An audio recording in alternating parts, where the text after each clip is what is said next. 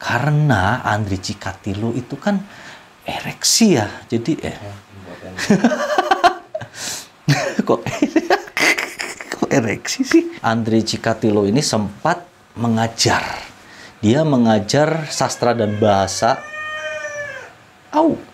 Pada tahun 90 itu si Ari eh Ari Ari Castello pada tahun 90 siapa namanya? Aduh, Cikatilo. Andre Cikatilo.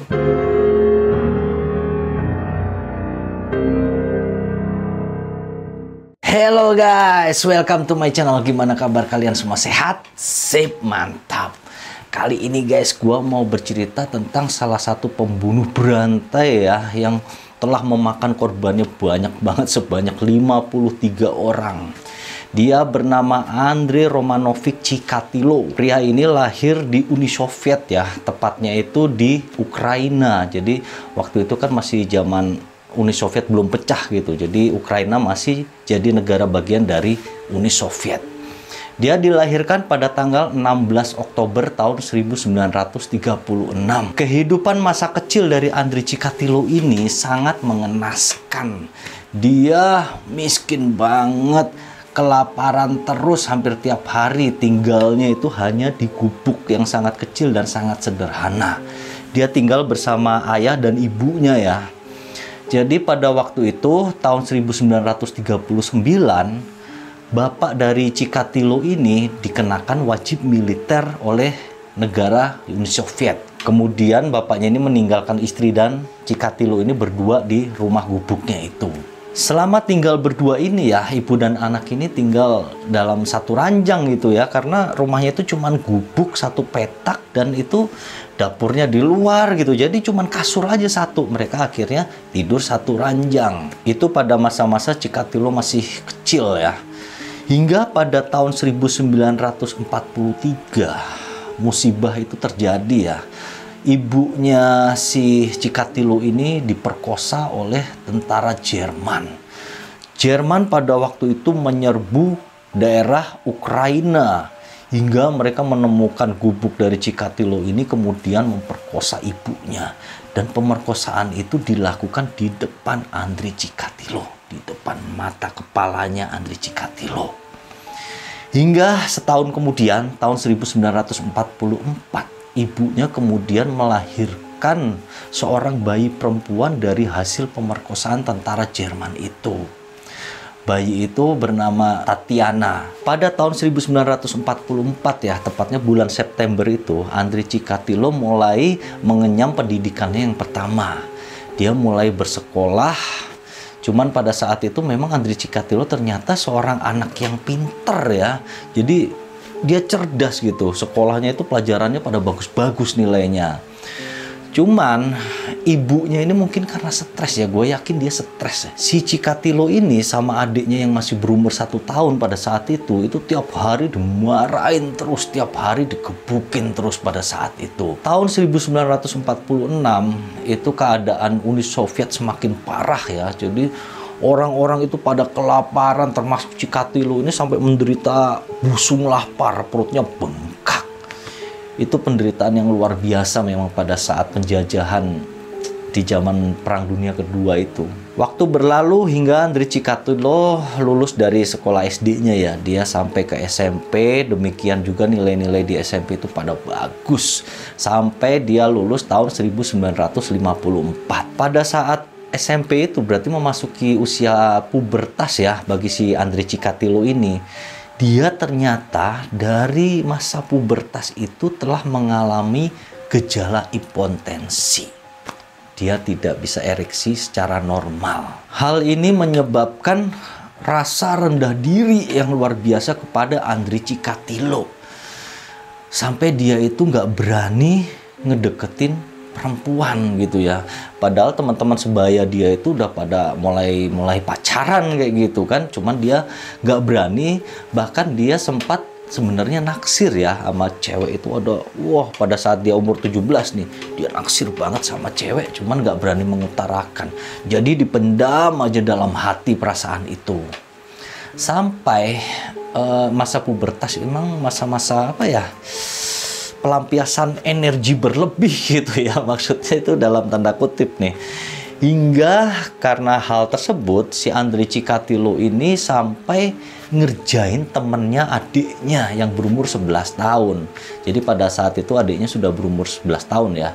Dia bermain sama temennya nih yang sebaya. Si Andri Cikatilo ini tiba-tiba apa ngedekep gitu. Terus diajak gulung-gulung di tanah itu cewek itu kan kemudian pada saat gulung-gulung dan si cewek ini meronta-ronta di situ ternyata Andri Cikatilo merasakan kepuasannya tersendiri. Gak tahu gimana ceritanya gitu ya sampai dia akhirnya mengalami ejakulasi. Kemudian sampai waktu berlalu lagi ya ini Andri Cikatilo akhirnya lulus dari SMA dia lulus dengan nilai yang sangat bagus hingga dia dengan kepercayaan diri yang tinggi mendaftar ke universitas favorit. Cuman pada saat itu ternyata Andre ini tidak diterima di universitas itu karena menurut perasaan dia gitu ya waktu wawancara ini dia bilang saya tidak diterima untuk masuk universitas itu karena ayah saya adalah seorang pengkhianat. Jadi memang pada saat Perang Dunia Kedua, bapak dari Andri Cikatilo ini sempat mendukung dari tentara Nazi. Ya bisa juga ya karena dipaksa atau gimana gitu kan untuk mengaku sesuatu rahasia tentang tentara Rusia gitu kan bisa aja gitu hingga pokoknya bapaknya ini akhirnya dituduh sebagai pengkhianat. Akibat dari ditolaknya dia untuk masuk ke universitas favorit ya, dia pun akhirnya jadinya apa ya? Uh, patah semangat gitu. Dia sama sekali nggak nafsu untuk mendaftarkan dirinya ke universitas yang lain. Kemudian dia pun pergi aja gitu meninggalkan kampung halamannya desa Yablutsnins yang ada di Ukraina itu. Dia pergi ke kota Kursk dia di kota Kurs itu hanya sebagai seorang buruh. Udah gitu aja. Padahal anak ini pinter gitu ya sebenarnya. Hingga kemudian setahun kemudian tahun 1955 Andri Cikatilo mendaftarkan diri ya untuk sekolah kejuruan. Dia mengambil kejurusan teknisi komunikasi di sekolah kejuruan itu. Andre ini menyelesaikan sekolah kejuruannya ini dalam waktu 2 tahun. Setelah itu dia pindah ke kota Ural Nizhny Tagil ya. Di kota itu dia memperdalam ilmu yang didapat dari sekolah kejuruan itu. Jadi dia mengikuti kursus-kursus macam itu kan. Sampai dia juga sempat bekerja beberapa waktu di kota Ural itu. Hingga sampai tahun 1957 ada panggilan wajib militer dari Uni Soviet kepada Andri Cikatilo. Jadi dia mau nggak mau ini ya, akhirnya terpaksa menjadi tentara dan ikut berperang. Dalam karirnya sebagai seorang tentara ya, dia itu ditugaskan menjaga perbatasan Uni Soviet. Kemudian dia juga sempat ditarik sebagai operator komunikasi di kota Berlin. Jadi pada saat itu Berlin sudah tunduk sama tentara Uni Soviet. Hingga pada tahun 60 ya kan dinas sebagai wajib militernya berakhir tuh. Tapi sebelum dinas militernya itu berakhir, dia sempat bergabung ke dalam partai komunis yang berada di Uni Soviet. Setelah beres menyelesaikan wajib militer pada tahun 1960, Andrei Cikatilo pulang kampung nih, dia tinggal lagi bersama orang tuanya. Nah, selama di desanya itu dia sempat menjalin asmara dengan seorang janda. Cuman jadi memang sebenarnya benar-benar apa ya cinta gitu Andri Cikatilo ke janda ini gitu kan. Sampai mereka mau melakukan hubungan terlarang. Akan tetapi tiap mau melakukan hubungan itu itu selalu gagal gitu. Karena Andri Cikatilo ini kan impotensi ya. Jadi si janda ini sebenarnya sabar gitu mau menunggu gitu maksudnya tapi nggak bisa-bisa gitu kan impotensi terus gitu sampai si janda ini akhirnya minta bantuan teman-temannya jadi dia lebih tepatnya apa ya? Hmm, eh gimana sih caranya biar nggak impotensi itu? Gimana sih caranya? Jadi dia ngobrol sama teman-temannya gitu. Kan namanya orang kan kadang nggak bisa dijaga mulutnya gitu ya. Meskipun dibilang kamu jangan ngomong siapa-siapa ya gitu. Akhirnya temennya itu ngobrol ke teman-temannya lagi temennya ngobrol ke temennya lagi. Akhirnya itu nyebar satu desa tahu bahwa Andre Cikatilo itu adalah cowok yang impotensi akhirnya meskipun orang-orang ini bisik-bisik gitu ya rahasia umum tercium juga gitu atau sampai juga ke telinga Andri Cikatilo bahwa semua orang udah tahu bahwa dia itu seorang yang impotensi mendengar itu Andri Cikatilo malu. Aduh nggak keluar keluar rumah itu. Dalam rumah aja dia seolah-olah ngelihat orang itu pada ngomongin dia semua gitu. Sampai akhirnya dia memutuskan hubungan dengan janda itu. Itu cuman jadi cuman tiga bulanan ya dia berhubungan dengan janda itu. Andri Cikatilo pun akhirnya keluar dari desanya, dia pindah ke kota Rostov. Di kota Rostov itu dia sempat bekerja sebagai seorang insinyur komunikasi. Hingga tahun 1961 Andri ini pindah lagi ke Rusia. Dia menyewa sebuah apartemen ya. Pada tahun yang sama pula itu adiknya si Tatiana ini meluluskan kuliahnya. Jadi dia selama di Rusia ini kan adiknya itu tinggal bersama si Andre kan. Sampai kemudian adiknya ini akhirnya menikah dengan lelaki teman kampusnya dan adiknya ini pun pergi meninggalkan Andre dan tinggal bersama mertuanya sendiri. Pada tahun 1963 Andre Cikatilo ini menikah dengan seorang wanita yang bernama Feodosia jadi memang detail tentang gimana bertemunya dan pacaran segala macamnya tidak ada dalam artikel ya. Nggak nemukan gitu. Pokoknya mereka nikah tahun 63, kemudian pada tahun 1965 Andri Cikatilo dikaruniai seorang putri. Jadi rupanya si Andre ini bisa ya gitu ya, bisa gitu. Terbukti dia punya anak gitu loh Sampai empat tahun kemudian itu lahir lagi seorang putra. Jadi anaknya dia dua nih. Pada tahun 1964 Andre Cikatilo uh, jadi mahasiswa dari Universitas Rostov. Dia mengambil jurusan sastra seperti itu kan. Dia beres kuliah ini atau tamat pada tahun 1970. Selepas Andre ini lulus dari Universitas Rostov, dia bekerja sebagai guru. Dia mengajar bahasa dan sastra di Novosasting. Tapi rupanya metode cara belajar yang ditetapkan oleh Andri Cikatilo di sekolah itu itu ya kurang efektif gitu ya. Karena entah gimana cara ngajarnya gitu, murid-murid ini malah sering mengolok-olok dia gitu loh. Padahal kok berani gitu ya ke gurunya gitu kan. Jadi mungkin ada cara dia yang kurang benar gitu kan hingga dia dicap sebagai guru yang kurang bagus di sekolah itu. Rupanya segala rentetan kejadian yang menyedihkan ya yang dialami si Andre ini dari masa dia kecil sampai apa impotensinya itu dan sampai sekarang ini itu telah membuat sifat dari Andre Cikatilo ini mencari apa ya pelampiasan gitu loh. Dia sifatnya berubah gitu.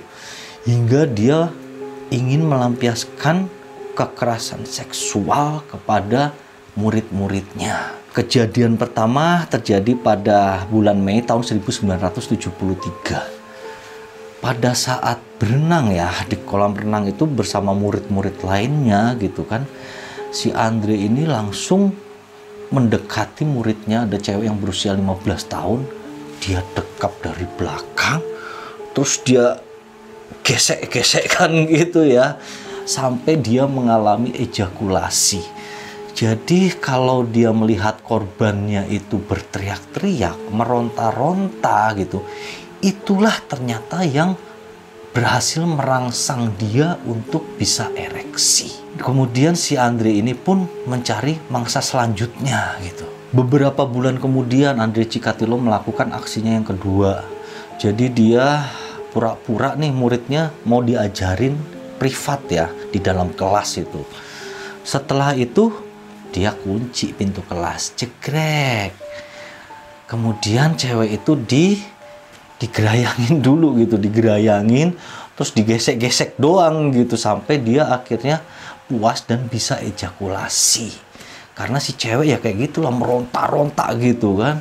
Dia merasa bahwa itu adalah kenikmatan yang beda gitu. Dan Andre ini beberapa kali juga pernah mengintip cewek-cewek telanjang itu di asrama putri gitu. Hingga kemudian karena kelakuan Andre Cikatilo yang seperti itu ya murid-muridnya ini ternyata melaporkan dia ke bagian komite sekolah.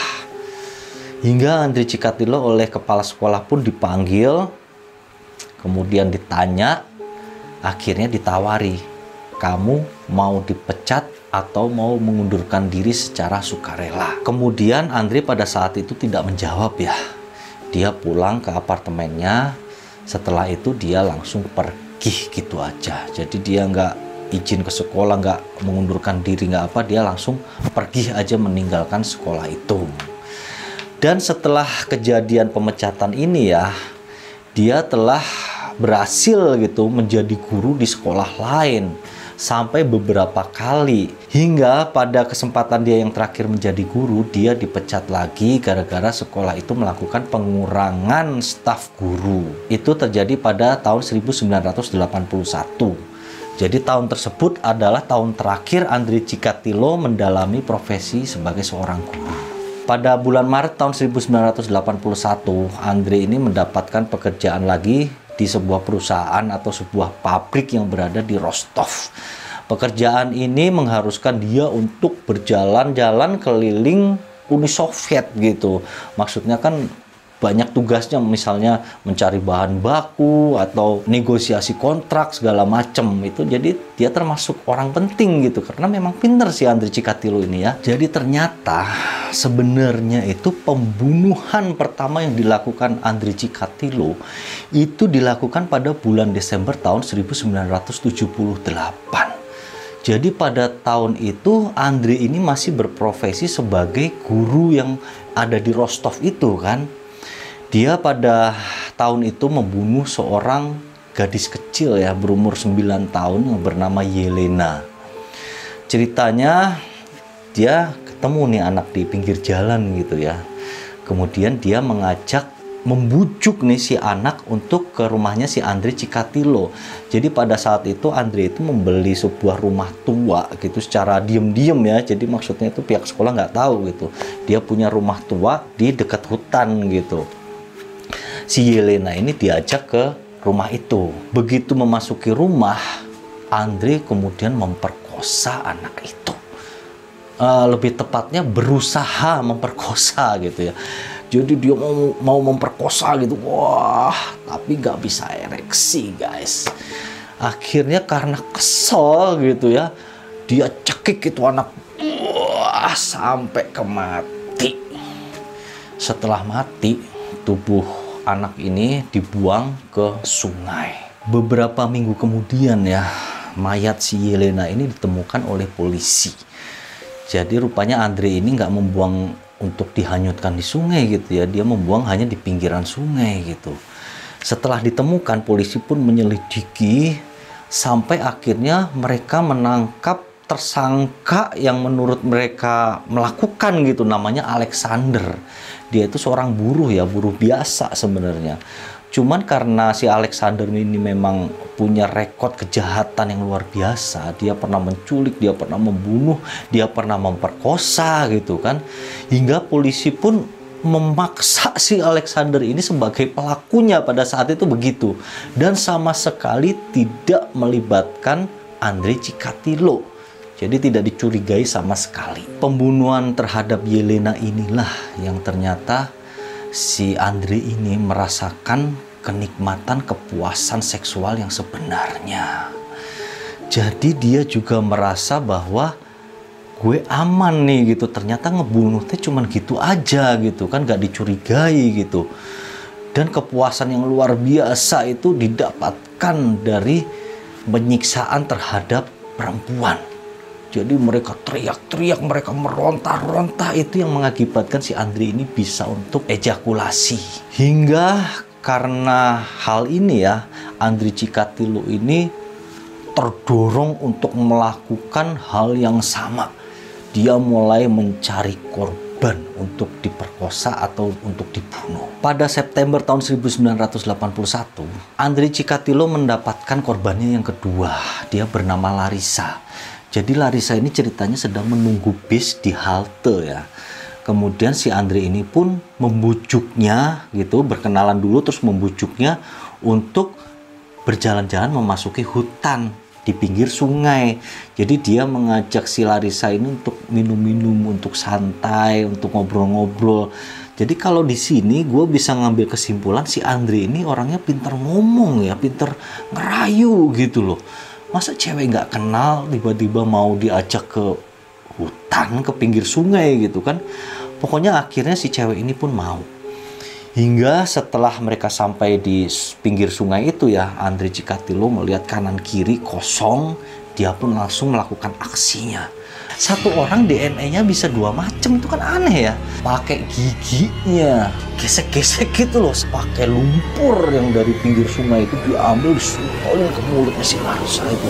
Tusuk cuy. Semakin puas ya. Thank you and see you